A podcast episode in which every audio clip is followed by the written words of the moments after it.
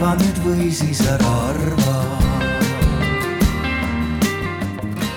tere laupäeva pärastlõunat kõikidele, kes nüüd on siia kogunenud ja kes tunnevad huvi õpetajahariduse süsteemi vastu mm, oleme kogunenud siia aruteluks, mille nimeks on õpetajahariduse, õpetajahariduse torumudeli poolt ja vastu. Ja et me natukene ka teaksime, et kui palju te siis sellest tänasest õpetajahariduse süsteemist ja korraldusest teate, et kas te olete kõik ise kohe valdkonna inimesed või mõned on ka väljaspoolt, sul on kaks sellist kontrollküsimust siin alguses, et ähm, esimene küsimus on, et, et kas pedagoogika bakalaureuse õppekava lõpetaja on kvalifitseeritud õpetaja? et kui sa arvad, et ta on kvalifitseeritud õpetaja, palun näita käega. pedagoogika bakalaureuse lõpetaja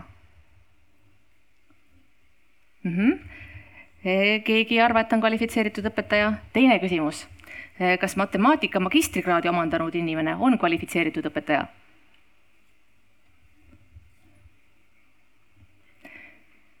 E, paistab, et meil on siin päris, päris, päris palju inimesi, kes on õpetajahariduse ja õpetajate kvalifikatsiooninõuetega väga-väga hästi kursis, et siis me teame seda siis natukene arvestada siin, siin paneelis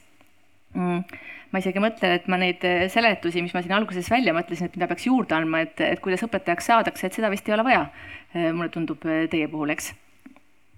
Mm. aga võib-olla ma siis alustan sellest, et ma tutvustan meie paneliste. et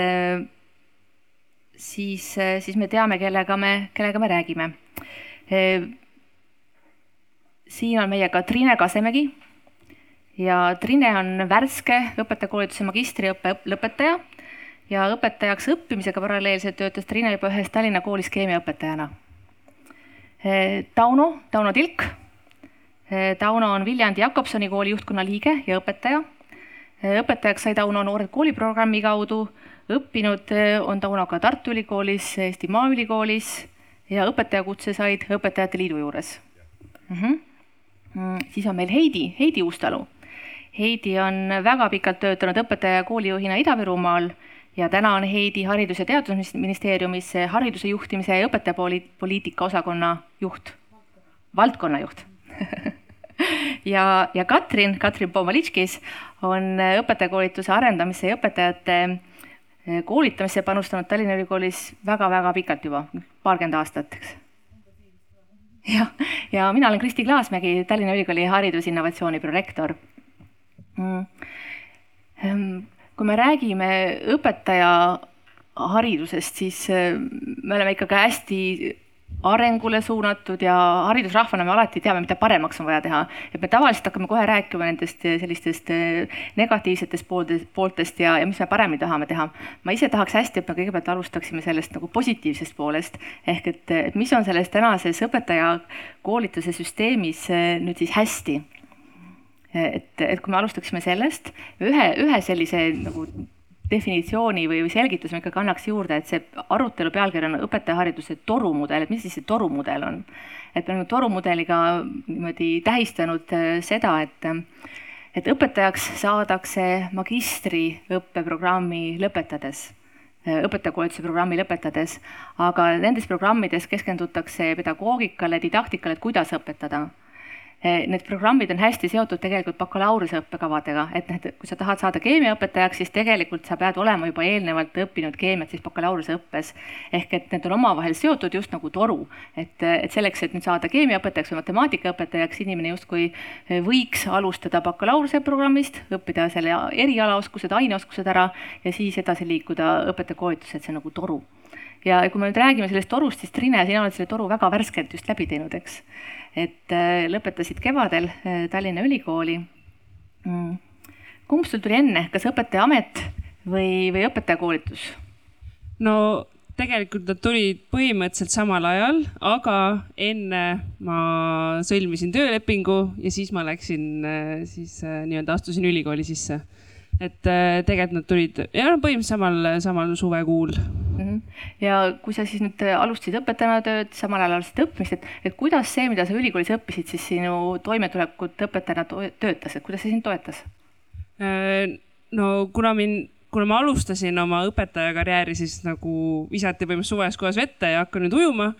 et siis äh, see õpetajakoolitus seal kõrval väga kiirelt ja väga mugavalt nagu aitas mind nendes erinevates olukordades äh, kohe hakkama saada. Et kuna esimesel kursusel olid kohe kenasti igasugused kasvatusteaduste ained, siis pedagoogika põhja sai nagu,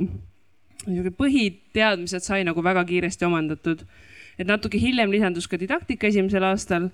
ja see didaktika osa siis äh, veelgi enam aitas siis seda nii-öelda ainet edasi anda. et äh, keemiateadmised mul olid olemas, aga mis siis äh, kõige rohkem, mida ma vajasin, oli see, kuidas neid enda teadmisi edasi anda lastele mm. -hmm. Tauno, nagu ma tutvustuses ütlesin, eks ju, sina omandasid õpetaja Kutseõpetajate Liidu juures või ma ei ütelnud seda või? ütlesid, ütlesid küll. ütlesin, ütlesin, eks et äh, samal ajal sul on nagu oma kogemus õpetajakoolitusega ka, et sa said õpetajaks Noored Kooli programmi kaudu. Noored Kooli programmi osa on ka õpetajakoolitus Tallinna Ülikoolis, et noh, mis see sinu kogemus õpetajakoolitusest on? no minu isiklikust kogemusest rääkides, siis äh, üsna sama tegelikult nagu Trinel, et äh, ju ka sisuliselt visati ikkagi ju esimese hooga vette. Ja, ja siis nii-öelda hakati paralleelselt seda õpetajakoolituse poolt nagu kõrvale andma ja õpetama. ja, ja noh, mina ütlen, et mulle nagu selline variant väga meeldis, et, et ma ei kujutaks ette, et ma täna töötaks koolis niimoodi, et ma oleks kõigepealt õppinud nagu teadlikult ülikoolis kolm aastat mingisugust ainet ja siis veel teadlikult kaks aastat magistrit sinna veel kõrvale. et niimoodi ma ilmselt ei oleks täna tegelikult kooli jõudnud. aga, aga noh, tänu sellele nii-öelda ütleme siis suvalises kohas vette viskamisele ja natukene sellele Noored Kooli programmile, et, et tegelikult noh, kaheksas aasta hakkab, et, et ikkagi päris püsivalt juba mm. -hmm kas meil on üldse veel õpetajaid, kes lõpetavad kõigepealt äh, kolm pluss kaks äh, ülikooli ja siis lähevad tööle? no mõned on, aga neid on tõesti väga-väga vähe, et äh, paraku on tõesti see seis selline, et sisuliselt üle poolte meie tudengitest ju töötavad õpetajana ja, ja neid tõesti sellist torumudeli variante on suhteliselt vähe, sest kui me vaatame ka äh, nende inimeste vanust, kes siis astuvad õpetajakoolitusse ehk siis magistri tasemel sisse, siis äh, nende vanus on äh, juba oluliselt tõusnud, et need ei ole sellised kakskümmend pluss aastat, mis eeldaks, et kui ma tulen otse gümnaasiumist, siis lõpetan bakalaureuse, tulen siis ülikooli ja, ja, ja sealt siis edasi otse bakalaureuse lõpetanud magistriõppesse ehk et see vanus on oluliselt Äh,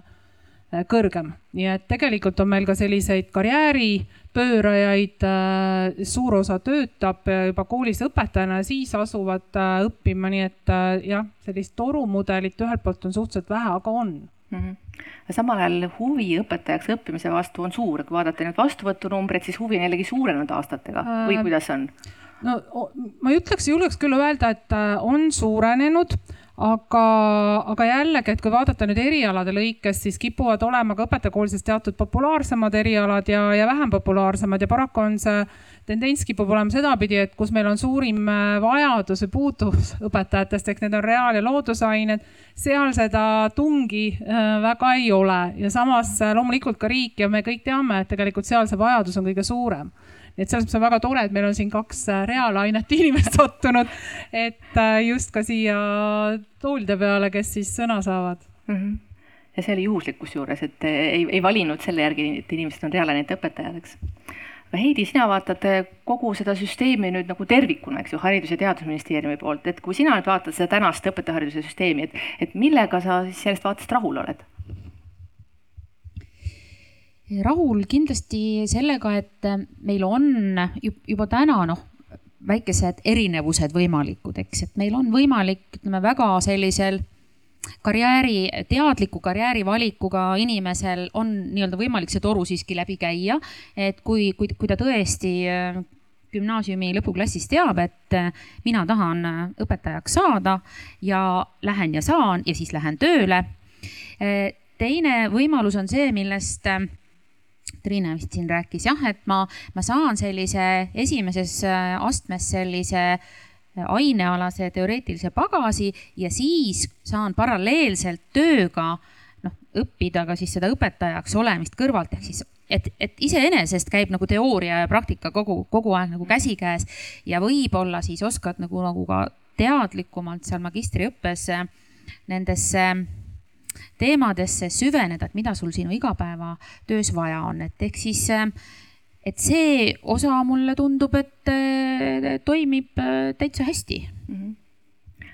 kuidas, kui nüüd osad inimesed niimoodi tulevad äh, otse ja ei ole veel koolis töötanud, osad tulevad õppijana, äh, tahavad, tulevad juba õpetajana töötades, äh, tahavad siis selle kõrvalt õppida, et kuidas need inimesed siis koos seal ülikoolis hakkama saavad, meil on üks programm ju tänasel hetkel, eks?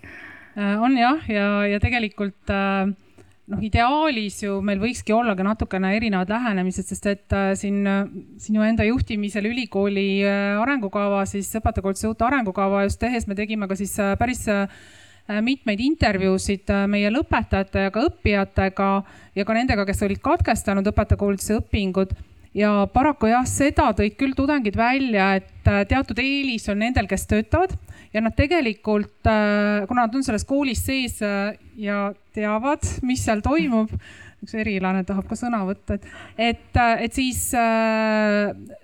ja need, kes nagu tulevad väljast või ka sellest nii-öelda turumudelist siis või et ei ole nagu ka endal hetkel kooliga mingit kokkupuudet või haridussüsteemiga, siis, siis äh, mõned asjad äh, noh, nii-öelda nende jaoks on natuke võib-olla vajavad rohkem aega ja, ja setitamist, et, et loomulikult, et, et kohati sellised äh, erinevad äh, võib-olla noh kiirusega võib-olla edasiliikumine, et see, see, seda toodi välja, aga see, et kui meil tulevad ka üliõpilased sisse, kellel on see ainealane taust erinev, see on võib-olla isegi veel määravam. Mm.. et me püüame pakkuda neid paindlikke võimalusi, et kui sa ei ole nüüd tulnud sealt bakalaureusest ja lõpetanud näiteks äh, seda keemia siis äh, õppekava, et me pakume siis selliseid tasandusmooduleid ja siis tekib eriti just ka erialaainetes see, et meil oleks vaja ka teatud selliseid erigruppe, aga nad õpivad tõesti koos, et siin tegelikult on siis õppe diferentseerimist vaja teha meil ka ülikoolis päris tugevalt ja, ja võib-olla ei ole ka ülikoolid selles osas harjunud seda tegema ja kohati jah, tudengid tõid ise välja, et võib-olla teatud teemade puhul nagu tahaks nagu rohkem või, või kuidagi võiks äh, kiiremini liikuda teatud inimesed edasi ja, ja teised võib-olla vajaks rohkem aega, ka rohkem sellist praktika ja näidete toomist aga see on teistpidi jälle väärtus, et need, kes ei töö, tööta, saavad olla koos siis nendega, kes töötavad, näited ja kõik need kindlasti noh, täiendavad üksteist ja on, on selles mõttes jälle toetav mm. -hmm. mul on üks mõtteharjutus, mida nüüd kõik saavad oma mõttes kaasa teha ehm, mingi asja või omaduse väärtust näeb väga hästi siis, kui mõelda selle asja puudumise peale. ja nüüd äh, mõtleme sellise hüpoteetilise olukorra peale, mis äh, nii mõneski koolis äh, ilmselt vastab tõele, et bioloogiaõpetajat ei leita. aga koolis on eriti tubli ja andekas eesti keele õpetaja, kes siis ka bioloogiatunde andma hakkab. mida selline olukord tähendab selle õpetaja enda jaoks? no ma võtan no,. võta, võta ja ma kommenteerin ka pärast esimene reaktsioon oleks see, et selle õpetaja töökoormus on kahekordne järgmine õppeaasta, kui ta seda bioloogiat lisaks eesti keele hakkab, eesti keelele hakkab ta õpetama. sest et kõik äh, õppekavad, ainekavad on uuesti vaja läbi töötada, materjalid on vaja koostada ja kui ta ka jätkab selle eesti keele õpetamisega, siis need kaks e-, ainet on niivõrd erinevad endast, et nad vajavad nagu erinevat lähenemist ka õpilastele et see on kindlasti üks koht, et ta töökoormus suureneb metsikult. mina kommenteerin enda kogemust, sellepärast et äh, ma läksin kooli keemiaõpetajaks, oma teisel aastal koolis sain ma geograafiatunnid ja see oli täpselt see koht, et kõik need asjad oli vaja uuesti läbi käia. ja tegelikult ka see töökoormus on ikkagi nagu metsikus koguses äh, suurem, mis on vaja justkui nagu veel äh, läbi käia.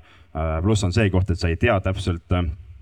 kus kohta sa välja jõuad, kui palju sa välja jõuad, kui sa ühe teema peale kulutad nii palju aega, teise teema peale nii palju aega. et äh, see esimene aasta tegelikult oli ikkagi üsna ebakindel, julgen mina nagu enda kogemusest väita, no pärast läks muidugi paremaks mm. -hmm. ma näen, et sa tahad ütelda, eks jaa, hullult tahan et ähm, positiivne on see sel juhul, kui äh, see bioloogia on selle õpetaja huvi ja see õpetaja näeb äh, enda arenguvõimalust, mingit järjekordset etappi ja, ja ta on ise valmis äh, panustama. loomulikult ta vajab siis ka tuge natukene, noh, mõnes mõttes ta nagu alustaja, eks ju, et see selleks, et, et see on nagu väga hea minu meelest äh, õpetajaga arenguvõtmes. kui, kui see on nagu õpetajale sund, et äh, vaata, midagi ei ole teha, nüüd lähed, siis mul on kahju nendest õppijatest natuke aga kui ma nüüd mõtlen selle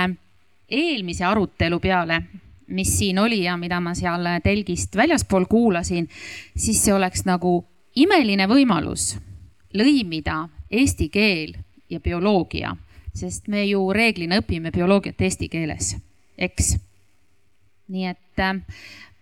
ma tahaksin äh, näha siiski rohkem plusse kui miinuseid mm. -hmm. Et mingis olukorras võib väga hästi töötada, samas võib olla täitsa oluline mõju selle õpetaja enda toimetulekule sellel aastal ja koormusele. ja, aga seal võib olla see koht ka muidugi, mille mina võin välja tuua, et kui see eesti keele õpetaja näiteks on kümme või viisteist või kakskümmend aastat olnud eesti keelt, siis võib-olla tal on päris mõnus anda midagi muud ka vahepeal juurde, nii et, et see võib temas endas ka selle, võib-olla selle noh, ütleme tuhmuma hakanud sädeme uuesti nagu lõkkele lüüa mm. -hmm. kuule, ja eesti keele tunnid jäävad üle nagu nipsti ma, ma siiski siit kõrvalt ütleks seda, et äh, ma olen hästi nõus sellega, et Deli tõi välja, et juhul, kui sellel õpetajal, et me, ma olen nagu seal katipaadis, et kui meil ikkagi on selles ainevaldkonnas seatud väga selge baasilised ikkagi teadmiste süsteem olemas, et kus õpetaja on tõesti mingisugusel, mis iganes põhjusel, lisaks sellele, et ta on emakeeleõpetaja olnud tohutu, ma ei tea, bioloogiahuviline, ennast pidevalt täiendanud, võib-olla kuulub mingisugustesse seltsidesse või, või mis iganes. et äh, siis võib-olla see tõesti ka, ka toimiks aga, aga selles mõttes, et noh, kui ma olen lihtsalt julge ja arvan, et noh, üldiselt nagu siin enne ka tuli välja ja üldiselt inimesed arvavadki kõik, et kõik oskavad ju õpetada, sest me oleme kõik endale koerale või kellelegi mingeid trikke, midagi ikka õpetanud oma elus. et see on imelihtne Äh, ja ühte hea õpetaja tundi vaadates, siis see tundubki imelihtne, sest et kõik lapsed teevad ju, mida õpetaja ütleb, lapsed teevad. aga, aga me ei näe nagu seda taga, et äh, see planeerimistöö, see mõte, et see õpetaja näeb, et äh, aa, Jüriga nüüd tuleb midagi ette võtta, sest kui ma nüüd kohe ei reageeri, eks ju, ei anna talle uut ülesannet või mis midagi, midagi muud ei tee, siis seal läheb asi jamaks. et me neid asju ei näe ja kui me klassiruumis tagant vaatame, siis kõik toimib. õpetaja teeb pil-, sellesama mitte kurja pilgu, aga vaatab korra otse, et ahah, jah, nüüd on see käiguvahetus vaja teha, et, et, et need on kõik asjad, mis, mis ei, mis kahjuks ei, ei sünni meile kaasa, vaid neid õpitakse. ja, ja, ja see ainealane pädevus on ikkagi ülioluline ka, et, et noh, et, et seal, seal on see hirm, et kui seal õpetajal on see arvamus, et ühesõnaga ta ei saa ise aru, et ta tegelikult ei oska ja ei saa aru, vot siis, siis on, siis ta teeb pigem halba nendele lastele, et, et selles mõttes jah, et, et see, seal võib olla selliseid eri case, aga üldjuhul olen nõus, et, et kui ta ka tahab hea õpetaja olla selles aines, siis selle paralleelselt õppida kogu nii-öelda ainesisu, omandada õppekavad pluss ainemetoodika. Mm, jah -hmm. ma ei soovitaks ma küsisin selle küsimuse õpetaja vaatepunktist, aga, aga vaatame seda ka õppija vaatepunktist, kes on ju õppimise keskmes. ehk et kuidas see tegelikult õppijat mõjutab, kui nüüd õpetaja tuleb klassi ette, võib-olla tal on see kirg ja huvi, ma ei tea, alati ei ole võib-olla seda kirge huvi, aga ta peab nüüd seda ainet ise ka endale õppima ja omandama, et kuidas see õppijat mõjutab no õppijat mõjutab äh, õpetaja ise, tegelikult ju õpetaja õpetab nii ehk nii eelkõige iseennast, eks. ja kui äh, ja, ja seda enam, kui tal on siis olemas äh, see kirg ikkagi ka ja see huvi, siis noh, mina ei näe küll noh, mis, mis erilist kahju ta võiks teha. no kui me ei eelda ikkagi, et noh, et ta peab minema sinna sunniviisiliselt ja vägisi ja, ja ta ei taha ja et noh, siis mängivad natukene teised asjad rolli, et et ähm, ma vist pean ikkagi ära rääkima, mulle hetkel küll ise räägin sellist positiivset hoiakut siin, aga meenub mulle endale üks vastupidine lugu, kuidas ähm, üks õpetaja, kes äh, füüsikust äkki ajaloolaseks sai ja, ja kes äh, meie ette tuli lausega, et äh, Iiri talupojad veeti üle ookeani Ameerikasse, kus nad muudeti neegriteks. et noh, et võib-olla siis temal seda ajalookirge ikkagi ei olnud ja, ja, ja huvi ka mitte ja, ja, ja siis, siis ilmselt ei peaks nii juhtuma, aga nagu näed, see-eest püsib mälestus igavesti aga vaatame nüüd seda teist poolt, et me teame, et meil on inimesi, kes tulevad kooli, kellel on puudu, puudu just need õpetamise oskused ja on, teame, et on inimesi, kes tulevad puudu, kellel on need puudu aineoskused, eks. et kui nüüd tuleb kooli bioloogiaõpetajaks aktiivne inimene kellel on bioloogias magistrikraad. Eh, tal on kõik ainealased teadmised ju olemas, pedagoogikat ta õppinud ei ole, ta ei ole ka lastega töötanud varem. mida see olukord tähendab nüüd õpetaja jaoks ja ka õppija jaoks? võib-olla ka, ma ei tea, kas Trine või, või keegi siin tahavad õpetajad enne, mul lihtsalt tuleb üks, üks äh, näide vastuvõtust meelde, kus äh, Äh, noormees äh, sattumisi oli äh, meie mitmeaine õpetaja, õppekavale tuli siis loodusainete õpetaja, ta töötas juba koolis. ja siis oli tore, et kuna me alati uurime ka motivatsiooni kohta, miks sa tuled õppima ja, ja siis ta ütles, et ta on, et noh, et ta oli, ta oli Tartu Ülikoolis õppinud loodusandjaga kuidagi, et pakuti ka juba neid pedagoogikaaineid või olid need õppekavas sees, et ma nüüd mingi mõned ajad tagasi juba ja siis ta ütles, et need tundusid sellised mõttetud mingisugused sotsiaalained, et no nende, neid ma eriti nagu ei õppinud. ja see on lihtsalt nii tore, siis ütles, et aga ma sattusin kooli ja mulle anti põhikooli klassid ja siis ma sain aru, et need olid kõige olulisemad õppeained üldse. et äh, selles mõttes äh, võib-olla siin äh, värsked õpetajad tahavad lisada ka, et ähm, tõesti ainult selle aine, ainealastest teadmistest ei piisa ja, ja noh, võib-olla selline, mida nagu lihtsam nagu mõelda et või mõista võib-olla, et selline nagu, nagu võib-olla noh, näide teisest valdkonnast, et kui me mõtleme spordi peale, meil on lihtsam aru saada, et, et, et meie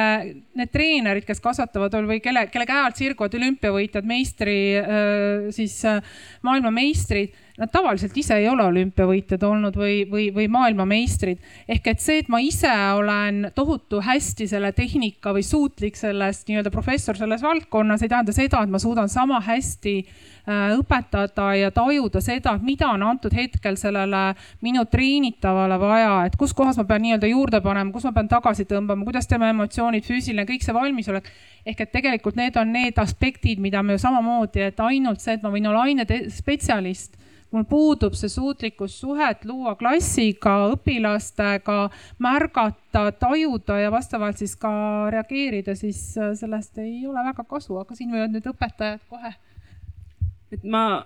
või arvan ka, et kõige nagu hullem asi, mis võibki juhtuda, on see, et see õpetaja nii-öelda, kes on siis tulnud öö, äh, otse sealt teadusmaailmast, sealt teaduslabor äh,, laborist ta hakkab keemia, noh, toome näiteks keemiat ja hakkab keemiat õpetama. et siis äh, sellel õpetajal siis nii-öelda puudub ähm, ähm,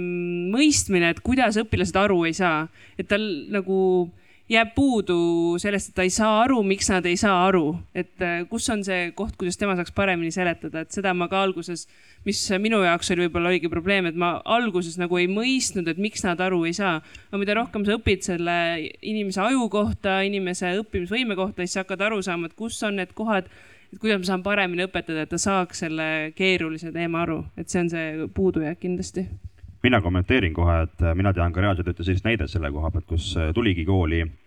väga nii-öelda kõrgelt haritud inimene, aga paraku seda pedagoogika poolt just tal kõrval ei olnud ja, ja ta tegelikult ei saanudki terve aasta jooksul lastega noh, sinnamaani, et lapsed oleksid äh, seal tunnis nagu hästi hakkama saanud, oleks hästi aru saanud. et äh, seesama just, mida ta ütles, et talle jääb see hetk puudu, et ta ei saa aru. ta võtab lapsi võib-olla ka kui siukseid nagu teaduspartnereid natukene, räägib hästi akadeemiliselt nendega. Äh, ja, ja võib-olla tahab natukene seda tundi ka üles ehitada kui mingisugust ülikooli loengut rohkem kui noh, ütleme siis seitsmenda või kaheksanda üheksanda klassi mingisugust tundi, et, et need on nagu täiesti erinevad asjad ja selle koha pealt see on nagu murekoht. samas on see, et kui tal on ikkagi juba see magistrikraad all, see näitab seda, et ta on suuteline õppima ja omandama ja ta on suuteline õppima ja omandama ka võib-olla siis kooli tulles ikkagi selle pedagoogika nipi sinna kõrvale kuidas ja mismoodi ta võiks tegelikult seal klassis olla. et see on noh, justkui ikkagi nagu üsna suur pluss võrreldes selle eelmise näitega, et et võib-olla ainelaste osa, osa, osa on ikkagi nagu vähem, aga pedagoogikat on rohkem mm. -hmm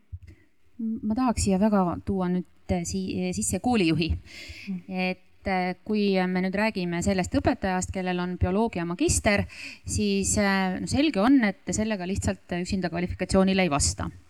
ehk siis eh, temaga saab koolijuht sõlmida kuni aastase lepingu,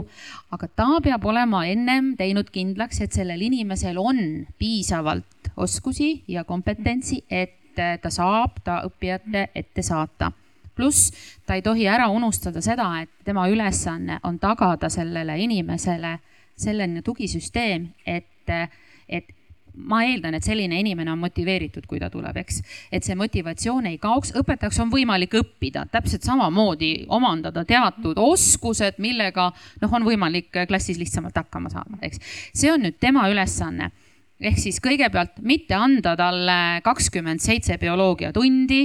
vaid võimalusel neliteist näiteks esimeseks aastaks, eks. on ähm, võimalus ähm,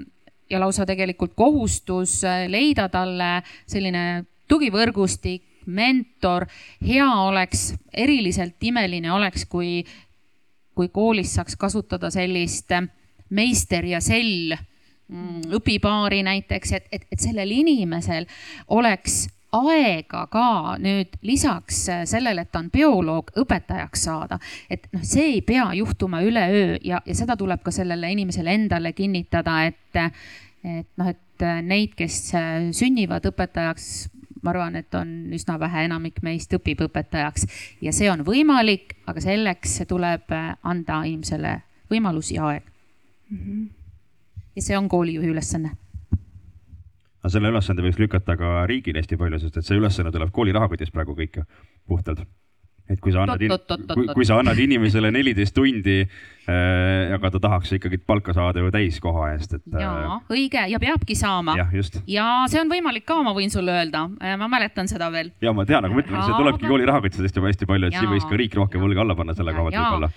muidugi ja paneb ka, sest ta ju annab omavalitsustele haridustoetust, aga koolipidajad on meil ikkagi valdavalt omavalitsused, eks, et ja kui me tahame neid ikkagi pidada, siis tuleb sinna ka panustada, ei saa oodata, et panustab keegi teine aga lastpidajana oleme kirjas meie. nii et see on ikkagi selline jagatud vastutus ja mina ei ütle, et riik oma poolt ei täida, täidab,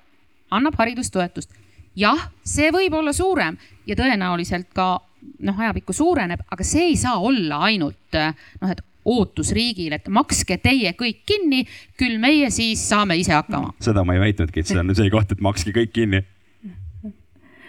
Ehm, ma kuulsin teilt, et äh, õpetajaks võib saada küll ka niimoodi, et sul ei ole seda aineõpingute põhjal, et kui me seda kolm pluss kaks süsteemi vaatame, siis äh, ma kuulsin ka seda, et, et see on suurem koormus sellele inimesele alustades. ehk mul on kuidagi vägisi tekib seos sellega, et kui meil on päris suur äh,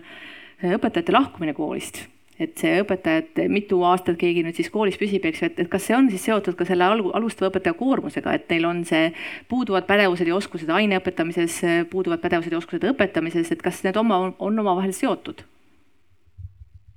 Äh, no selles mõttes, et nad kindlasti on seotud, sest et noh, kui me räägime õpetaja heaolust ja, ja, ja noh, neid uuringuid on ka tehtud, eks ju et äh, siis tegelikult noh, esimene, mis on nagu sellist õpetaja heaolu kõige rohkem nii-öelda toidab, on ikkagi needsamad head suhted ja toimetulek õpilastega, et kui ta ei tule seal klassiruumis toime, siis läbipõlemine on kiire tulema, aga need mõtted, et ma ei sobi õpetajaks, see pole minu jaoks amet ja, ja soov lahkuda on, on suhteliselt kiired tulema. loomulikult siin ma olen hästi nõus, et kui, kui on hea koolijuht ja, ja, ja kooli kliima on hea, et kui me tavaliselt need uuringutes toovad, tuuaksegi ikkagi välja hästi selgelt ka seda, et, et see kontekst, et õpetajad võivad lahkuda sellepärast, et ma olen hea hea õpetaja, ma tulen oma klassiga väga kenasti toime. aga need suhted minu kaaskolleegidega, see, kuidas ja mis, mida kool väärtustab või ei väärtusta, tegemata jätab, kuidas toetab õpetajat. et see on tavaliselt see, see, mille pärast ka tihtipeale lahkutakse. et äh, ja ma, ma kahjuks ikkagi, ma olen hästi nõus, et see, mis siin eelnevalt tuli, et on hästi koolijuhi teha ja väga paljud koolijuhid seda teevad, aga paraku seal kõrval on väga suur osa koole, kus sedasama tuge ei pakuta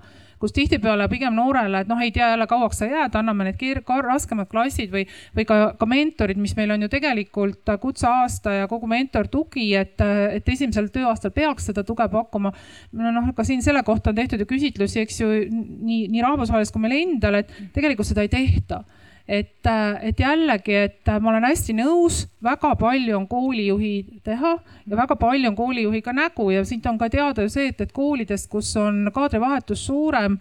need ei ole need koolid, kus koolijuht ilmselt teeb väga head tööd ja, ja on koole, kust õpetajad tahavad jääda ja, ja kuhu tahavad,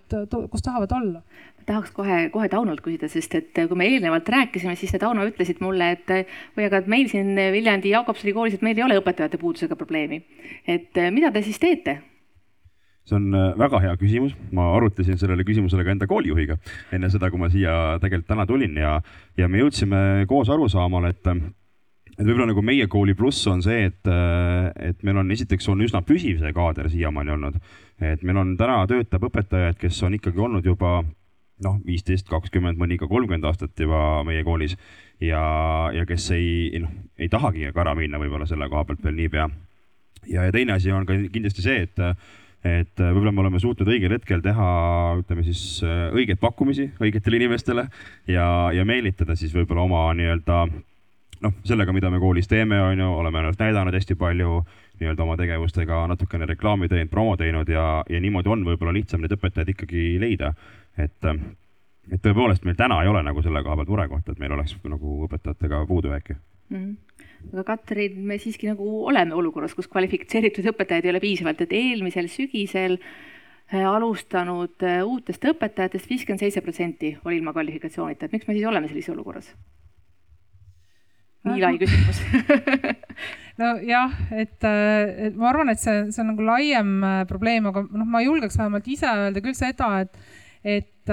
et eks see ük-, noh, kui ma võtan nüüd nagu noore inimese, mina ütleks niimoodi, et koolid teevadki tegelikult ja iga õpetaja on see reklaamiagent oma ameti suhtes ja, ja kui sellele õpetajast me näeme ju vastu või kui nad tulevad õppima, siis vastuvõtul samamoodi, et kui me küsime, et aga miks ja, ja, ja ikkagi seal taga on olnud mingi särav õpetaja,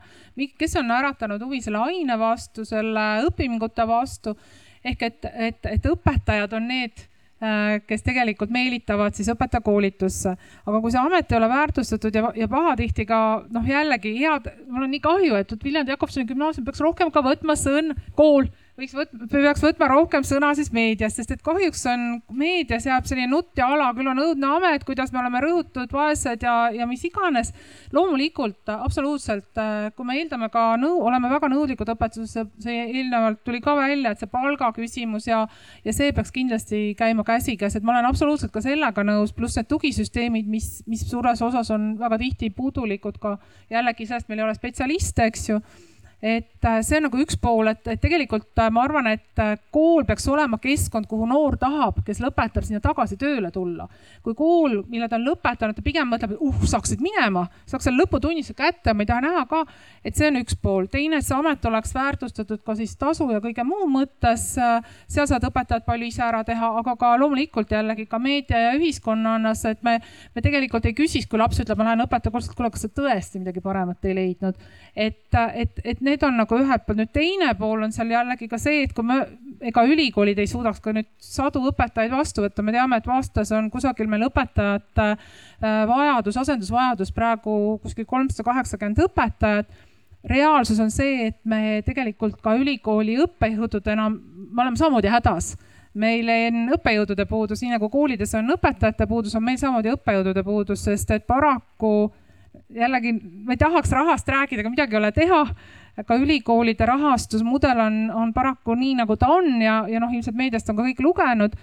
et, et praegu on lihtsalt seis selles, et, et me kaotame õppejõudusid sellepärast, et koolis õpetajana saavad, kui nad on tublid õpetajad, nad saavad rohkem palka või meil endal õpetajakoolituse moodulis lihtsalt ma otsin praegu inimest ja mul on väga keeruline, sest lektori tasu ülikoolis on praegu madalam, kui sa oled tubli õpetaja, sa koolist saad tegelikult rohkem palka, nii et noh,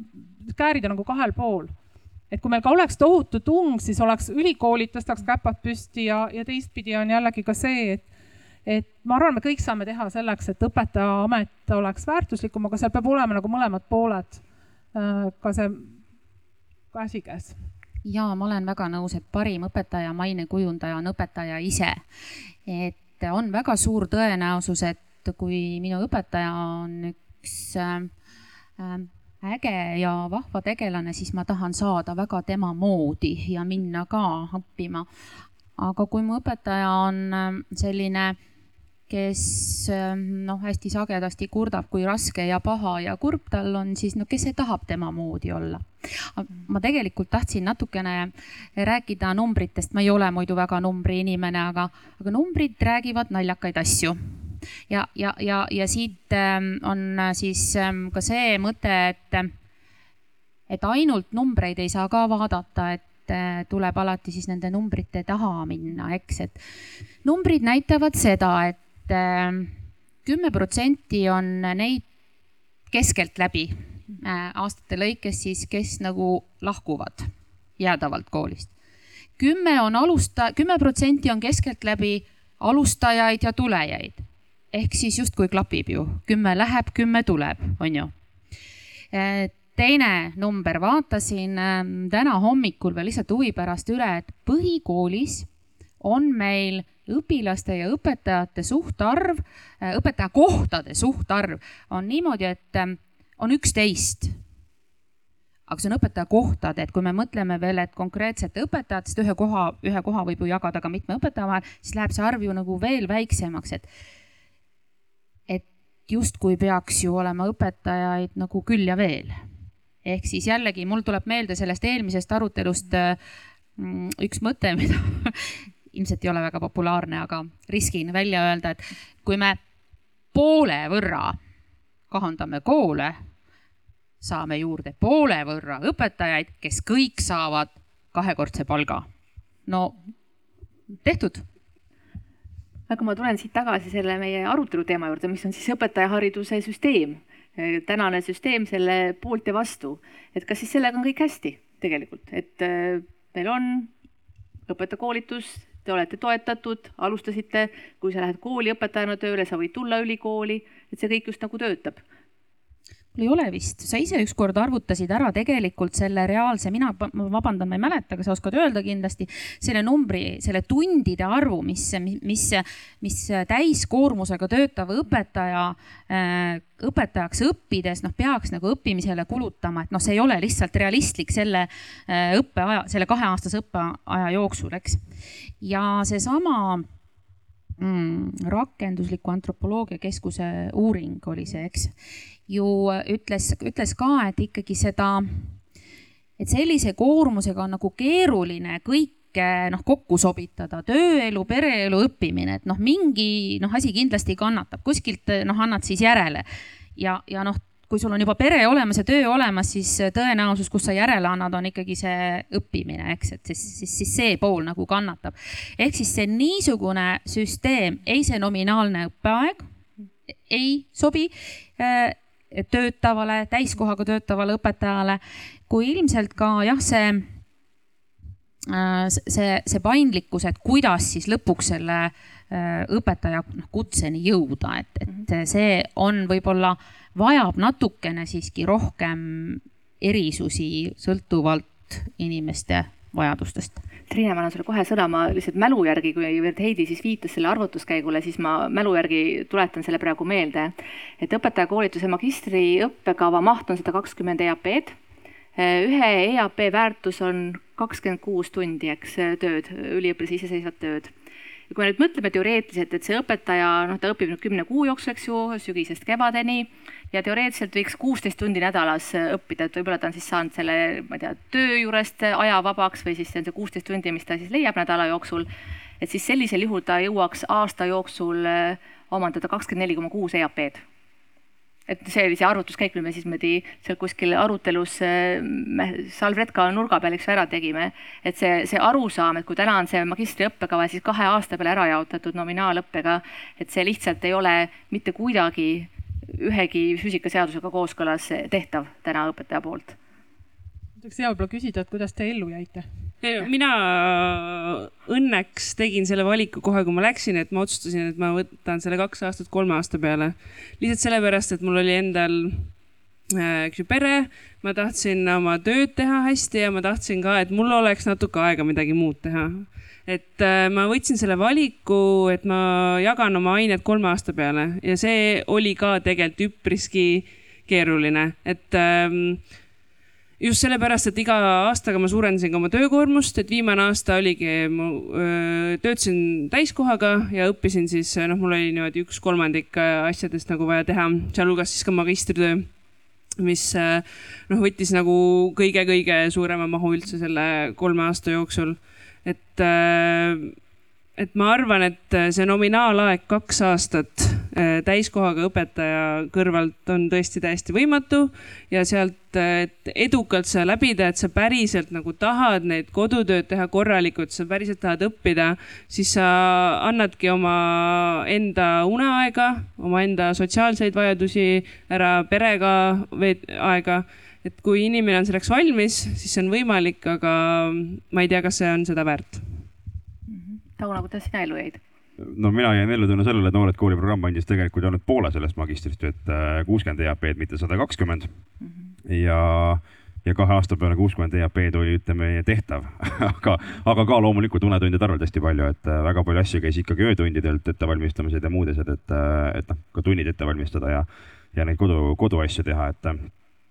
et see kindlasti nagu mõjutas, aga no ma ütlen, et kuuskümmend EAP-d versus sada kakskümmend, et seal on päris suur vahe selle koha pealt mm. -hmm aga Katrin, mida me teame täna õpingute ja töötamise ühendamise kohta ülikoolis?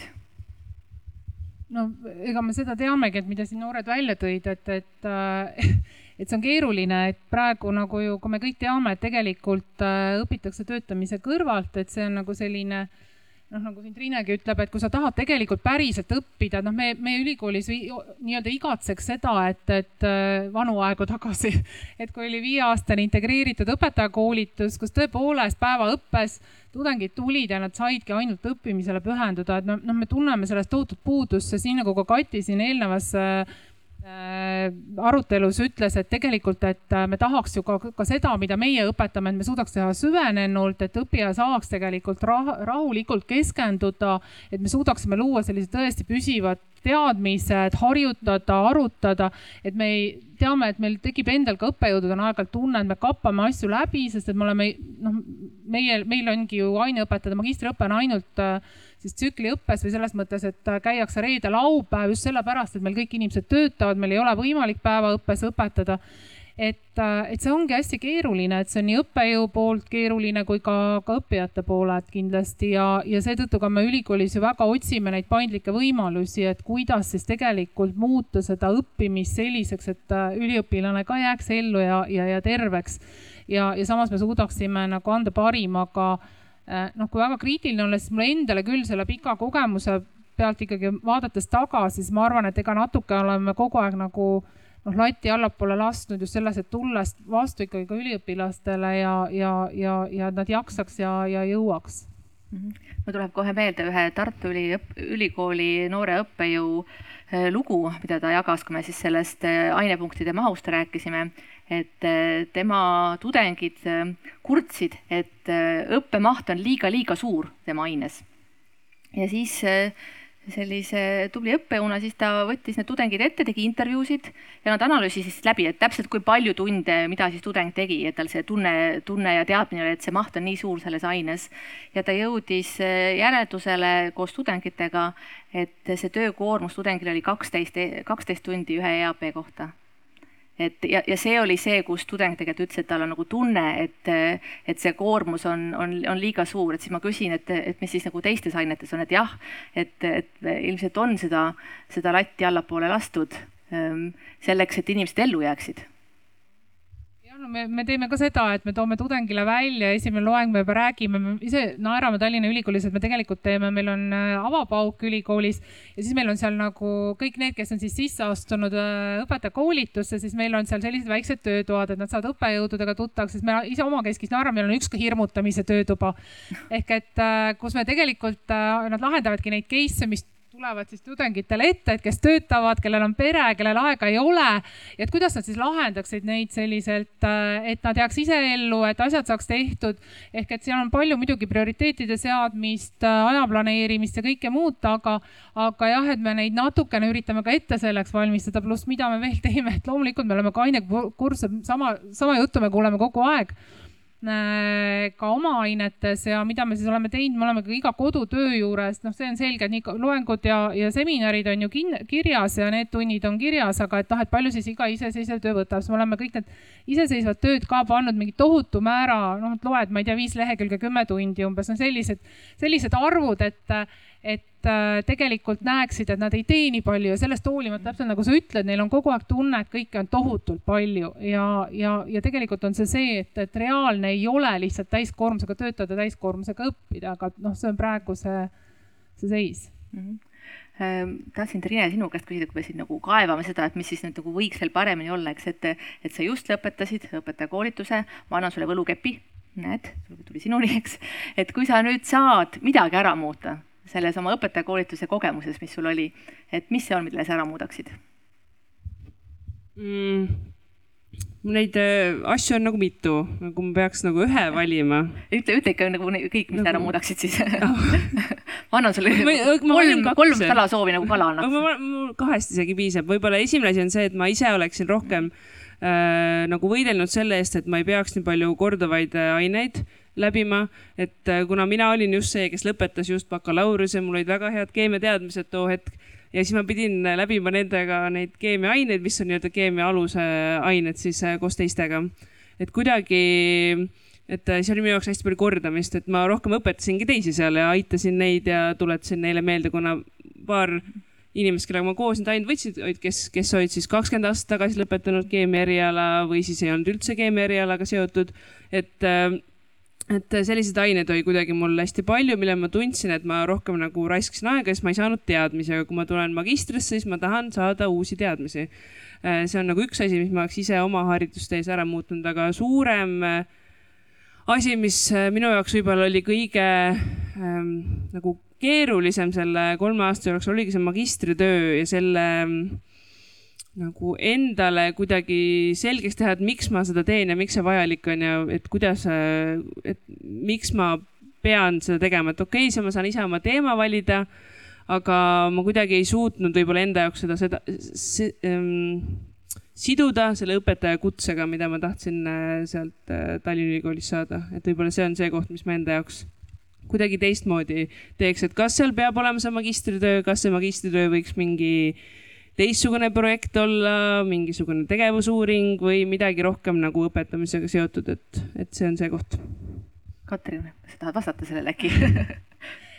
no selles mõttes, et tegelikult tegevusuuringuid saab teha, mina ise alati hästi kutsun tudengeid üles, et kui nad valivad oma lõputööd, et äh, võiksid mõelda sellele, et äh, sellel oleks tema jaoks praktiline väärtus. ehk just arendus- või tegevusuuringud, kas oma kooli, oma klassi põhiselt teha, et, et meil ei ole, ütleme, teadusväärtus selle, et ma küsitlen kümmet õpetajat ühest koolist, kümmet teisest, et, et sa õpid tõepoolest neid äh, noh, nii-öelda uurimistöö aluseid või oskusi sa omandad sellega, aga sellel tööl iseenesest sellist suuremat väärtust ei ole. Aga, aga jah, siin on ka meil on olnud arutelud ja siin võib-olla mina olen küll seda meelt, et pigem võiks selline üks vähemalt uurimistöö olla ikkagi tehtud, see on jällegi, et oleneb ju taustast, et mõni inimene võib-olla teevad ka bakalaureuse lõpus juba ühe teadu-, sellise väikesemat uurimistöö, tal on need uurimisalased pädevused olemas, aga valdaval enamusel ei ole ja selles mõttes, et kui me eeldame ikkagi õpetajalt sellist äh, oskusi uurimistöid ise juhendada ja, ja, ja teaduskirjandust lugeda ja, ja kõiki ka selliseid äh, põhiuurimismeetodite alaseid teadmisi, siis ma arvan, et ta ikkagi ise ühe töö peaks tegema. küll ma arvan, et see võiks olla rakenduslik äh, ja seda me ka hästi soovitame ja noh, teine pool, et loomulikult me oleme ka ise siin arutanud, et võib-olla noh, et, et kas anda valida, et, et teha siis võib-olla ka mõningatel juhtudel võib-olla kutseeksam Äh, aga, aga praegu jah, me pigem oleme seda, mina olen ka seda meelt, et võiks ikkagi olla üks, üks uurimistöö, töö ka. Ja, ja võib-olla üks põhjus ka, miks me ülikoolina ikkagi oleme huvitatud, et nagu ma ennem ka puudutasin, et meil on järelkasvuga probleeme, et me ju tahaksime, et ka nendest tublimatest magist-, magistrantidest tuleks meile üliõpilasi doktoriõppesse, siis noh, tal peab olema mingi uurimistöö kogemus, et kuidas me ta doktoriõppesse nagu vastu võtame, et ta siis alles hakkab õppima, et mis asi see uurimistöö on, et see ei ole ka nagu mõeldav, et, et siin on jah, sellised äh, käärid ja ka valikukohti on kindlasti jälle ka mhm. ma olin äh, üllatunud natuke, et sa seda õppimise koormust ja mahtu ei, ei toonud äh, ühe asjana, mille sa ära muudaksid, eks minu jaoks on see, et ma ise, noh, olen terve elu olnud sihuke, et ma sain kõik, no ma teen palju ja jõuan palju, et see on võib-olla koht, kus ma ei, ei, ei oleks nii suur see muutuse sa tegid nagu. hästi õige valiku, et sa võtsid kohe ka kolme aasta, et see näitab ka väga head planeerimisoskust ja läbi mm. sellist eneseteadlikkust ja, ja ka oma võimetest ja, ja mis on nagu ka aja ja kõige muu ressursi hästi oskad planeerida mm. -hmm. sul on mikrofon valmis mm, -hmm. hoian, et jumala eest vahele ei jääks tead kuidagi et kuulates siin neid kaaskõnelejaid, panin, kribasin omale siia kirja ka mõne mõtte, et Äh, kindlasti ma ei tahaks üles kutsuda noh, mingisugust latti nagu selles mõttes alla laskma, aga võib-olla tuleks ka siinkohal nagu nii-öelda äh, natuke kriitiliselt üle vaadata ja, ja mõelda siis äh, selle, ka ülikoolis õppija peale, et mis on see, mida ta, mida ta tegelikult vajab ja, ja kas ta vajab noh, ainult siis nii-öelda ainepunkte või, või ta vajab tegelikult äh, lihtsalt mingit uut äh, teadmist ja oskust, et võib-olla saab siin natukene äh, midagi korrigeerida, eks. Ma olen väga teadlik sellest murest, et ülikoolid on ise hädas et neil ei ole enam äh, neid õpetajaid, kes õpetajaid õpetaksid, eks. äkki on äh, see jällegi koht, kuidas saab ära kasutada neid äh, meie nii-öelda meisterõpetajaid. võib-olla ei pea kõike ähm, saamagi kätte seal nii-öelda ülikoolist, võib-olla võib siin olla ka siis mingisugune selline võtalaadne toode, et ma saangi midagi õppida ähm, õpp-, selle, sellesama meistri kõrvalt ja, ja saan ähm, siis äh, nii-öelda selle oskuse sealt ja üksiti ka siis need ainepunktid kätte. et ja võib-olla võiks ka olla, noh, see minu meelest on täna juba isegi täitsa mõtlemise tasandilt edasi jõudnud, et see nominaalne õppeaeg üliõpilase jaoks ta ju ongi lubatud õpetajal kahekordne minu teada juba täna, aga et ta ülikooli jaoks oleks ka okei okay,, et ülikool nii-öelda finantsiliselt ei kannataks, et see vajab muutmist, aga see on juba minu teada täna mõtlemisel. aga et võib-olla peaks olema ka kuidagi seadustatud see nii-öelda poolel teel olemine, et kui ma veel ei ole päris kutsega õpetaja, aga ma ei ole ka enam see noh, päris noh, kes nagu noh, täiesti kvalifikatsioonita on, et ma olen nagu poolel teel. et not yet, et aga kohe jõuan, et see ka võiks võib-olla olla kuidagi äh, seadustatud, mingi osakutse või midagi sellist. viiskümmend seitse protsenti, kes alustasid ilma kvalifikatsioonita eelmisel sügisel, nende seas on ka need üliõpilased, kes õpivad Tartu Ülikoolis või Tallinna Ülikoolis õpetajaks, eks, et noh, muidugi nad ei olegi kvalifikatsiooniga, see on täiesti õige kvali-, klassifikatsioon, aga noh, nad ei ole samas paadis või, või samaväärilised kui inimene, kes siis äh, võib-olla tuleb kogukonnast ja kellel üldse mingit teadmist ei ole, eks. täna nad on just nagu üheväärsed, eks mm. -hmm võib-olla see noh, ühelt poolt me oleme ka seda mõtet heietanud ja ma olen hästi nõus, et selline võib-olla natukene ka koolipõhised äh, õpetajakoolituskursusi pakkuda. aga see on nagu kaks häda, et ühelt poolt äh, meil on meisterõpetajaid hästi vähe, ma ei julge neid numbreid öelda, aga ma arvan, et on mingi saja või, või, või mis iganes, aga neid ei ole väga palju, kes on siis saanud meisterõpetaja kutse ja,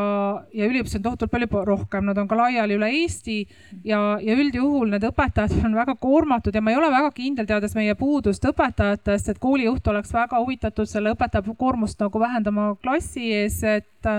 et tal oleks võimalik ka siis tegeleda või oleks seda lisaaega, et loomulikult seal on, aga neid on lihtsalt liiga vähe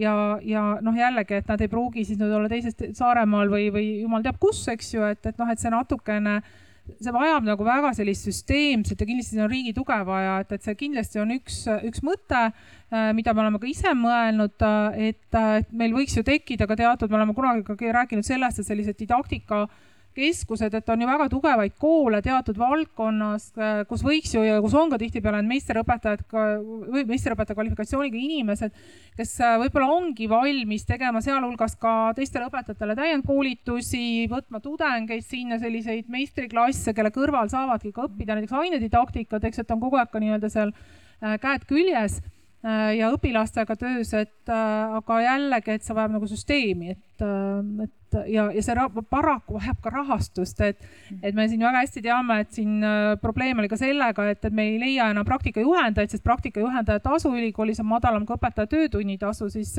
õpetaja küsib, aga miks, miks ma pean võtma mingi lisakoormuse, mille eest ma saan vähem tasu, kui ma saan muidu oma ainetunde andes, et siin neid noh me kahjuks jõuame ikkagi selle hariduse alarahastuseni ikka ja jälle tagasi. -hmm. ja ma olen täiesti nõus, et see, see täna veel ei ole nii, aga, aga me panemegi niimoodi seljad kokku ja, ja mõtleme, et kuidas me saame teha selle kuidas me saame selle teha paremaks, et seesama, et neid meisterõpetajaid tekiks juurde, et kui sellest noh, saab ka nii-öelda õpetaja karjäärimudeli osa, eks, et, et on ise sellest huvitatud ja noh, et, et see, et, et õpetajal ei oleks karjääris liikumiseks ainult, et õppejuht ja direktor ja, ja kogu lugu, eks ju, aga et tal ähm, tekiks, tekiks uusi võimalusi, et, et see, see on ähm, kahtlemata see koht, kus saab ainult paremaks minna see on ka tegelikult see koht, kus kohas saab kooli võib-olla tõmmata inimesi, kes äh, ei ole ka ikkagi otseselt haridusega seotud. Äh, need, kes tahaks teha võib-olla mingisugust kannapööret, et kui teda on nagu kooli poolt võimalik ja koolis niimoodi sees äh, nagu rohkem toetada, kui me täna seda teha saame, siis see võib-olla annaks ikkagi võimaluse, et et nad ei läheks mitte ülikooli, vaid et tuleks otse kooli ja nad saaks hakata koolis nii-öelda oma seda karjääripööret tegema, et võib-olla on ju täitsa edukalt seda võimalik teha sellisel juhul aga Tauno, olete te valmis seda tegema, et, et jällegi Katrin enne viitas sellele, nendele intervjuudele, mis me, mis me läbi viisime ülikoolis. Ja, ja intervjueerides siis ne, ilma kvalifikatsioonita õpetajaid, kes ei ole kunagi õppima veel asunudki, siis sealt noh, nende intervjuu, noh oli mingi viis või kuus oli neid inimesi selles, selles, selles rühmas, eks ju. Nende pealt jäi meile selline nagu mulje, et need inimesed ei saa üldse tagasisidet. et, et nii nagu nad rääkisid oma juhtumitest klassiruumis, olukordadest koolis, et nad, nad ei teadnud, mida nad ei tea, nad ei teadnud, et nad peaks õppima minema. ehk et, et siin mida te nüüd koolis siis teete nende inimestega, kes teile sisse astuvad, hakkavad õpetama, võib-olla tal ei ole seda kutset, eks ju, täna veel. et kas teil on olnud ka äh, Jakobsoni koolis neid näiteid, et mis te siis teete, kas te teate, kas teie õpetaja teab äh, õpetamisest? väga hea küsimus selles mõttes, et mida me teeme täna on ju see, et, äh, et siit, mis ennem läbi käis me tegelikult pakume alustavatele õpetajatele mentorituge. meil on äh, ka ikkagi tasustatud tunnid selle koha pealt nii siis mentorile kui ka alustavale õpetajale, äh, kes siis ikkagi esimese õppeaasta vältel teda nii-öelda toetab väga tugevalt, äh, ka ainesektsiooni siseselt väga tugevalt tegelikult noh, kui on nagu selles mõttes selline ainesektsioon, kus kohas on nagu sama eriala õpetajad rohkem, on hästi lihtne tegelikult seda teha ja, ja võib-olla ma toon nagu veel väga hea näite, et, et me käisime enda kooliga sellel õppeaastal läbi Tallinna Ülikooli tulevikukooli programmi ja, ja seal nii-öelda loodusainete õpetajatega siis ka nii-öelda võtsime selle õpigrupi nagu loogika hästi tugevalt endale nagu fookusesse. ja, ja käisime nagu päriselt üksteise tundides. Ehm, ja, ja vaatasime, arutlesime oma selles seltskonnas grupis pärast nii-öelda kuidas ja mismoodi ja, ja see andis tegelikult selle teadmise, et noh, ütleme nii meie kooli tulnud äh, värske õpetaja äh, kui ka meie koolis töötanud kakskümmend aastat või kakskümmend viis aastat töötanud õpetaja, et äh, et mõlemad said aru, et tegelikult meil mõlemal on ja ka mul on õppimiskohti, et me saime nagu väga turvalises seltskonnas selle läbi arutada ja, ja ka lugeda võib-olla mingisugust äh, akadeemilist kirjandust natukene juurde, et kuidas me läheneme seda, katsetada, arutada. ja see on tegelikult ka variant, millega on võimalik nagu väga tugevalt äh, ütleme siis õpetajat toetada ja talle näidata seda kohta, et, et ta saab ise aru, et tegelikult mul ongi äkki vaja midagi juurde õppida, mitte seda, et ma kakskümmend aastat tagasi käisin kooli, ülikoolis ja ma juba oskan kõike. et,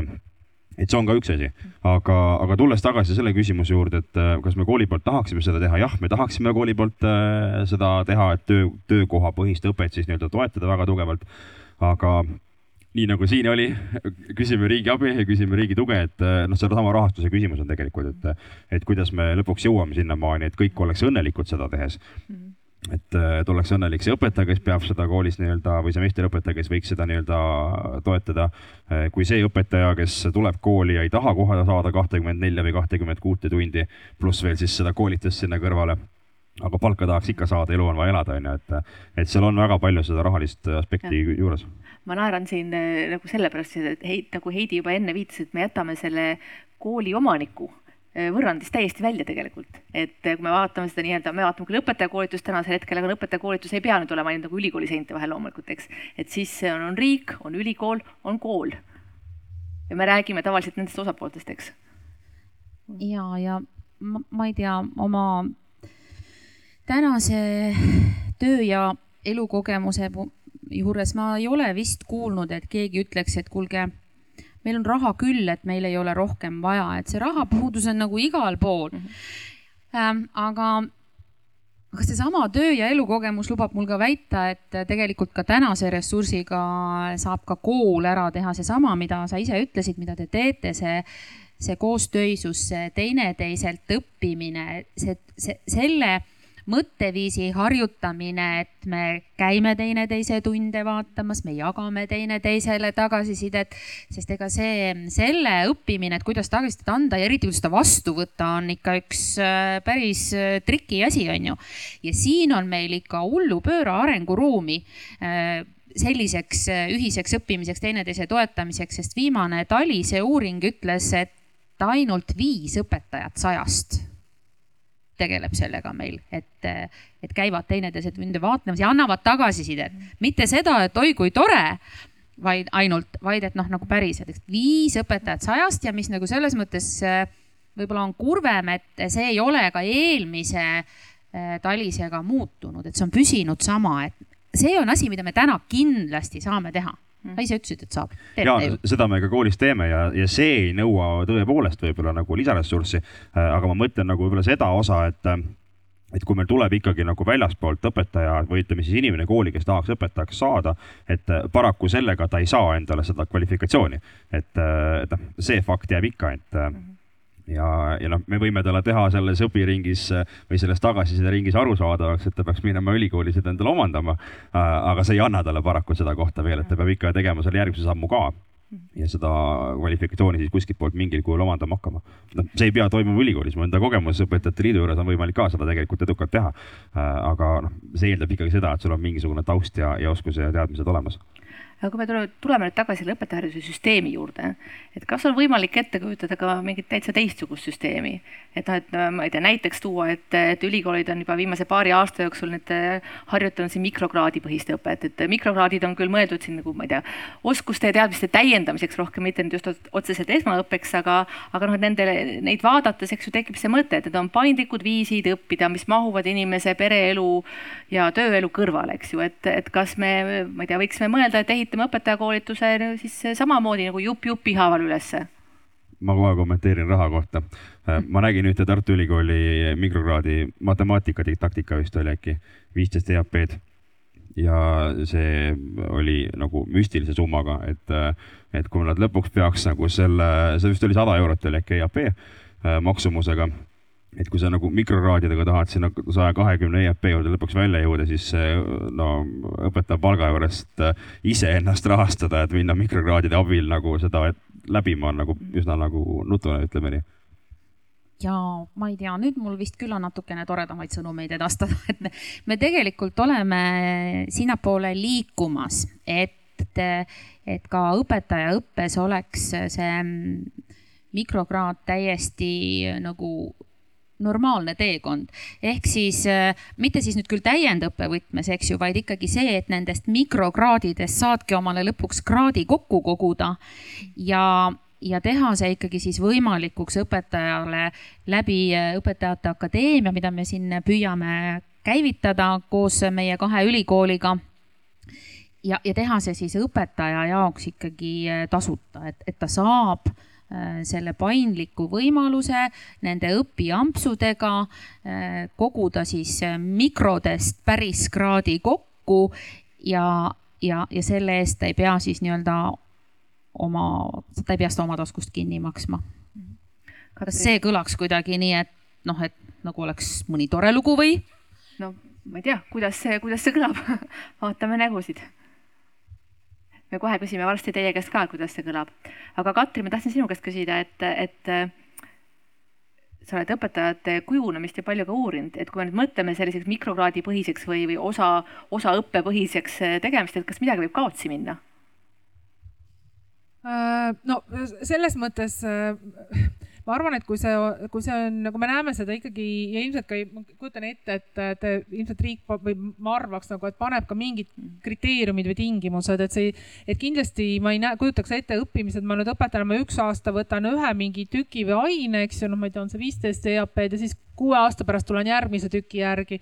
et, äh, et, et see selles mõttes, et ta peaks olema paindlik ja pigem nagu siin Triina tõi näite, et tema jagas kohe kolme aasta peale, võib-olla ma jagan nelja-viie aasta peale ära, aga et ma tegelikult olen selles õppimise tsüklis kogu aeg sees ja ma paralleelselt töötan, ehk et see, mida Triine tõi välja, seda on äh, ka noh, meil uuringutest tulnud välja ja üliõpilased üldiselt ka ütlevad, et, et äh, tegelikult on hästi hea, kui mul on see praktika seal kõrval. et ma, ma igal juhul näeks ette, et see on ikkagi nendele õpetajatele tasuta, kes siis juba töötavad töötavad ja tööga paralleelselt selles mõttes, et, et, et seda praktiseerimisvõimalust on seal kõrvale ka kogu aeg vaja. Et, äh, et ma kujutan ette, et kui see on nagu lihtsalt väiksemas mahus, aga ma olen kogu aeg selles õppimise tsüklis ja need ained loomulikult, et ma võtan ikkagi ka selles loogilises järjekorras, sest ülikooli õppekavad on samamoodi mingis loogikas ikkagi üles ehitatud, mitte suvaliselt. et mul tekiks see tervikpilt kokku, et äh, ma arvan, et siis ei ole seda ohtu või ma, ma nagu vähemalt ei oska praegu nagu, nagu näha, et pigem see võiks olla väga toetav küll ma näen kindlasti jällegi, et noh, et ülikooli poolt, et meil peab olema lisaks ka see nii-öelda grupihoidja või, või, või et kuidas kujundada, et mis hästi aitab tudengeid, mida toovad selgelt välja, et mida ma olen ise oma kogenud õppekava juhina. et kui tekib selline mõnus ühtehoidev grupp, siis nad veavad nagu seal terve grupi läbi õpingutega, ei lase kellelgi maha jääda, kui seda gruppi ei teki, igaüks on nagu see üksiküritaja, siis tavaliselt on see väljalangevus nendes gruppides palju suurem et, et, et selles mõttes ikkagi ka peab olema see mingi lisa, lisa veel toetusmehhanism, et, et see on võib-olla ka nagu oluline, et ta ei tunne, et ta olen üksinda seal, et noh, et võib-olla ma, ei, ma muidu ei teki seda et ma noh, on ainegrupp või ütleme, me oleme see õpirühm või, või üks kursus, et kui, kui kõik on erinevad, et kuidas tekitada ka see selline grupitunnetus seal kõrval, et aga see on rohkem nagu mida, mida ülikoolil võib-olla mõelda, et juhul, kui ta on nii üles ehitatud, ma ei näe probleemi väga. ma pean, aitäh, et sa tuletasid mulle meelde, et mul jäi üks oluline täpsustus lisamata, et esialgu on ta ikkagi plaanis äh, selles Õpetajate Akadeemias käivitada nii, et, et, et, et ta ei ole nagu esmaõppe osa, esmaõpe noh, jääb ikka nii-öelda see baka, baka jääb äh, noh, nagu, nagu praegu sellest nii-öelda mikrokraadi võimalusest välja selle Õpetajate Akadeemia raames, vaid me räägime ikkagi sellest noh, mida me täna teame, see kaheaastane äh, magistriõpe, eks ju, et noh, et pigem, pigem ikkagi see, aga, aga noh, missugune on see sisu, missugustel erialadel, noh, siin ilmselt on ikkagi ülikoolid need, kes äh, meile ütlevad, sest seal on see pädevus olemas. Me oleme päris pikalt arut arutanud siin ja, ja päris palju mõtteid on välja toodud, mida saaks teistmoodi teha, mis on hästi. Ehm,. aga mida teie arvate, et ma nüüd mõtteliselt annaks igale ühele selle võlukepikese kätte, et kui nüüd järgmise, ma ei tea, viie aasta jooksul saaks midagi ära muuta või et kas minna väikeste juppide peale või teha midagi magistritööga või muuta õpetajakoolituse sisu, et mida, mis see oleks, mida teha, on, on, mida teha võiks. Ja alati on, on hea ise mõelda, aga veel parem on kellegiga natuke nagu arutada, et leia endale kolm-neli inimest, kellega selle üle mõtelda, et mis see, mis see on, mida teie koos siis muudaksite järgmisel perioodil. Eh, viis minutit annaks selleks aega. peate ennast natuke liigutama võib-olla, et leida see inimene enda kõrval viis minutit on äh, mõnikord väga pikk aeg ja mõnikord on väga lühike aeg. ma ei tea, kuidas teile praegu tundus, et kas ta oli nüüd pikk või lühike. aga väga huvitav oleks teada, mis teie võlukepp nüüd teeks. et kas keegi on valmis ka jagama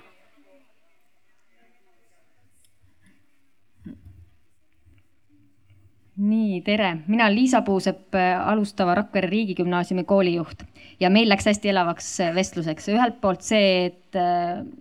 noh, koolijuhina, mida ma märkan ja näen, aga jäägu praegu see, ma tahaks toetada siin alustavaid õpetajaid ja Triinet samamoodi, sest tegelikult mina alustasin õpinguid koos Triinega koos. ma olen geograafia ja bioloogia õpetaja. aga minu luksus Triine loo kõrval oli see, et mul oli doktorikraad all ja mina sain võtaga need erialaained üle kanda, ehk et minule jäi vaid teha need Tallinna Ülikoolis siis neli põhilist pedagoogilist ainet ja need on imelised, päriselt. aga seal on sel-, sellised õppimise kohad eh, ja mis meil tuli siis vestlusringis ka tegelikult välja, ka teiste kogemused, et ei ühildu omavahel eh, didaktikute ja hariduspsühholoogide mõtted, tööd, eh, panus et see on see hästi oluline õppimise koht ja, ja just see võlukepikese teema. ja teine, mis siit välja tuli, et võib-olla noh, see läheb nüüd ülikoolist välja, aga kui meil on näiteks füüsikaõpetajaid koolis üks, väikestes koolides igal pool üks, et need koostöökogud toimuksid või, või ainesektsioonid toimuksid tõhusamalt. et, et need teemad Äh, võiksid, noh, need puudutavad kohalikke omavalitsusi rohkem ja, ja kohalikke,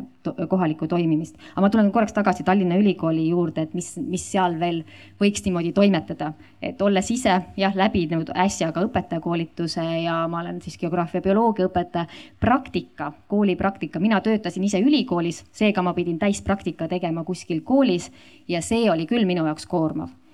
ja ma ei saanud kuidagi ära tõestada või öelda, et ma olen ülikoolis ka õppejõud, et see ei läinud nagu, seda ei arvestatud, et mul on pedagoogiline mingil kujul ja, ja mul oli äh, kõrgkooli pedagoogika taga õpitud. ja seda kuidagi noh, meie didaktikud ei võtnud seda arvesse, et, et mul mingisugune kogemus on, ehk et ma tegin täispraktika ära ja, ja, ja see praktika toimimine hästi ei töötanud, et, et sa teed rangelt ainekavad, tunnikavad viis, sa saad hariduspsühholoogidelt teavet, sa pead ennem alusteadmised ära kontrollima. sa noh, sa pead õpilastega kontakti saama ja siis sa teed tunnikava, viis minutit on sul aega tunni alustamiseks. aga kui sul tunni alustamisel selgub, et noh, kellelgi on murekohad mingi õpilasega, sul on vaja rohkem nagu seda tõmmata, teda tundi siis sul see tunnikava läheb täitsa lörri ja siis didaktik vaatab sulle otsa, et sa oled nagu, ei ole järginud oma tunnikava, eks ju, et, et seal olid need, need ebakõlad. Ja üks nüanss, mida me siin ringis küll nüüd jagada ei jõudnud, aga mis tuli ka eelmises aruteluringis välja, on õppeainete lõimimise teemad.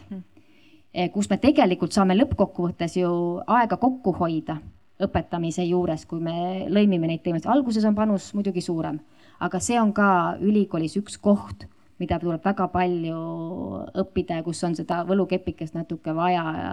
et, et see lõimimise teemad ja üks erinevate ainevaldkondade õpetajad oskaksid omavahel päriselt koos tööd teha, mitte ainult ühe mingisuguse väikese projekti raames, aga terve õppeaasta raames ja seda me praegu Rakvere Riigigümnaasiumis väga tugevalt toimetame ja teeme.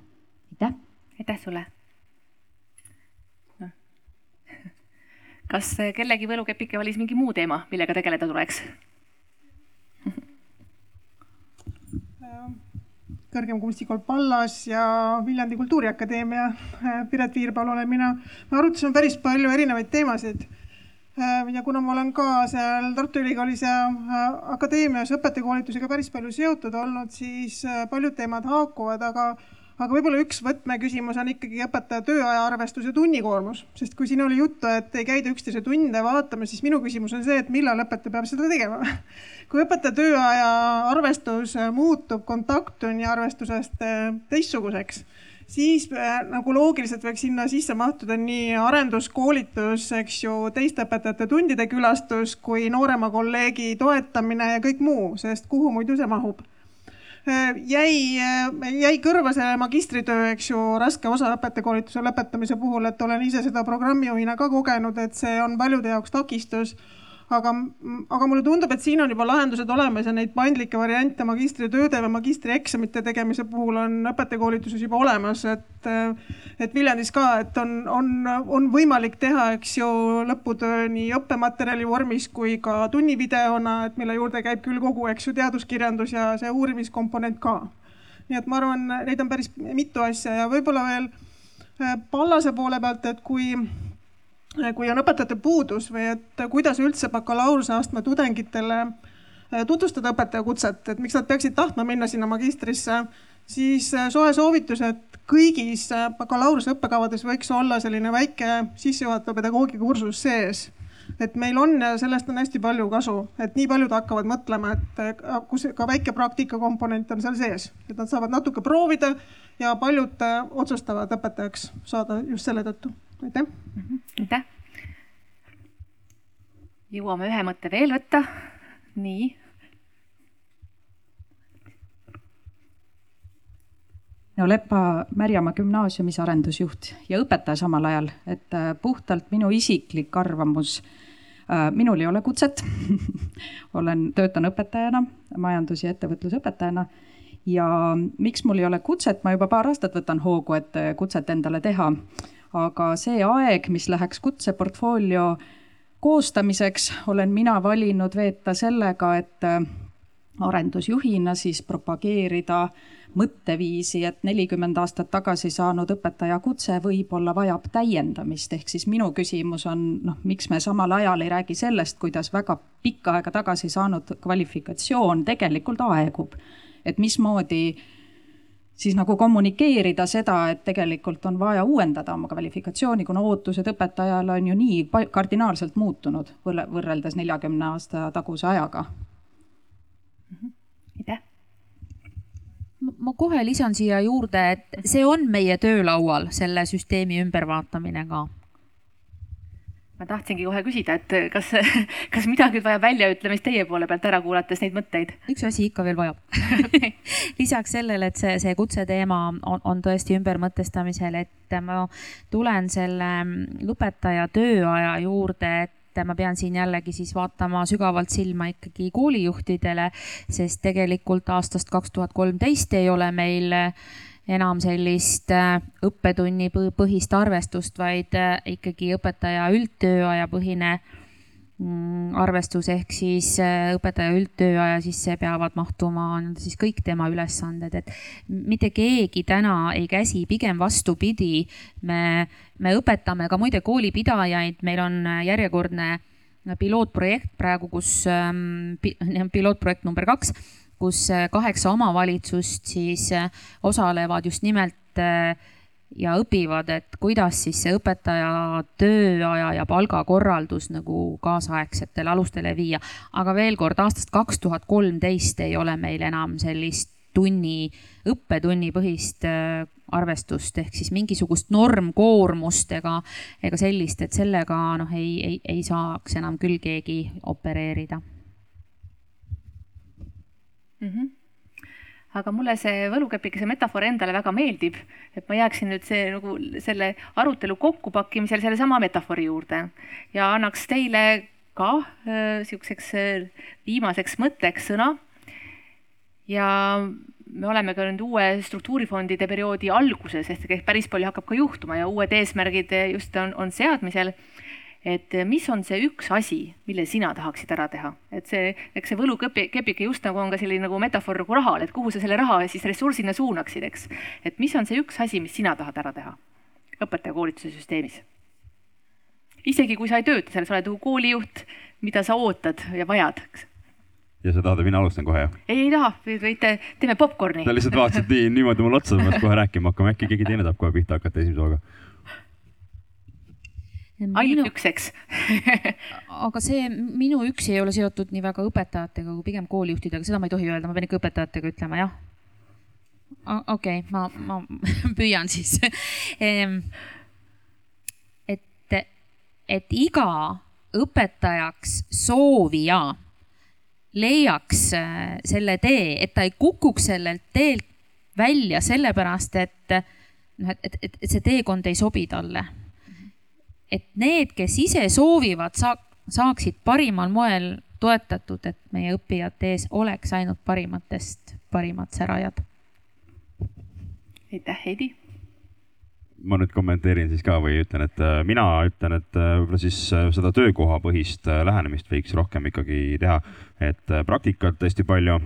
ja ikkagi sealsamas töökohas, et et kus on toetavad kolleegid ümber, kus on toetav kollektiiv, et õpetaja, kes äh, tuleb kooli, ei tunneks ennast üksinda ja, ja tunneks seda kohta, et äh, kui on vaja, siis ta läheb ja, või noh, tuleb ja nutab siis minu õla peal, on ju, ja, ja siis elame koos rõõmsalt edasi ja, ja me kõik toetame teda. et äh, see võiks olla ikkagi võti. aitäh no ma, ma ütleks niimoodi, et, et ma sooviks, et meil oleks äh, maailma parim, kõige kvaliteetsem õpetajaharidus, äh, sealhulgas, et oleks paindlik. et äh, me tõepoolest kõik need, nii nagu siin toodi välja, et jõuaks kõik kooli ja jääks kooli püsima ja ma ikkagi hirmsasti, mulle meeldis sellest viimasest äh, eelnevast töötoast, kuigi kaks soovi, aga et kuidagi, et me suudaks ka kujundada see, et ühelt poolt õpetaja oleks õppiv professionaal ehk et ma ei saa valmis äh, väga tihti, mis äh, noh, mind natukene õpetajakoolitajana häirib, et kuidagi, et noh, et kõik asjad peaks mahtuma õpetajakoolitusse, mis on kaks aastat meil ja tegelikult õpetaja põhiline õppimine toimub tema töö kõrvalt ehk see kolmkümmend, nelikümmend, viiskümmend aastat, kui ta tegelikult töötab. et see, see, see aeg on tohutult palju pikem, et me, me tegelikult selle kahe aastaga loome mingisugused tingimused, mingi valmisoleku, aga see põhiline õppimine toimub pärast. ma olen hästi nõus selle kommentaariga, mis sealt tagant tuli, et noh, et, et see, et ma olen aastaid tagasi kunagi õpetanud, eks ju, kuida-, õppinud, kuidas panna koma või mis iganes, eks ju, et meil, mul on vaja palju asju juurde õppida vahepeal. et ma olen see õppiv professionaal, et, et, et iga õpetaja oleks õppiv professionaal ja teiselt poolt, et oleks ja käiks siis sild väraks ja pea püsti, aga et seal oleks need tugimehhanismid olemas, et, et seda hala selle ameti viletsuse ümber oleks vähem ja noored tahaks tulla õpetajaks õppima, et tegelikult see on see lahe amet ja, ja see on väga väärtuslik, et ma arvan, et see on see, haridus on Eesti Nokia ja ma arvan, selles mõttes ka me võiksime kõik sellest aru saada ja sellesse ka vastavalt panustada nii rahaliselt kui mitterahaliselt. aitäh nii, kuigi erinevused külastavad meil eh, kogu ühiskonda ja kogu seda keskkonda, kus me oleme ja õpetame, et siis ma tahaks, et eh, nii nagu ka enne välja toodi, eh, et ikkagi ainedidaktikud ja hariduspsühholoogid, kasvatusteadlased omavahel äh, rohkem koostööd teeksid. aitäh ja et meil oleks neid didaktikuid ja hariduspsühholooge ma ei saa lõppu ütlema. ja, aga aitäh kõikide arvamuste eest. nagu ka eelmises pane-, eelmise paneeli lõpus öeldi, et ega me nüüd maailma ära ei parandanud siin, aga me vähemasti teame, kuhu suunas me siis nagu edasi läheme, et aitäh ja lõbusaid ja huvitavaid arutelusid teile. selge see, et ega kõike teha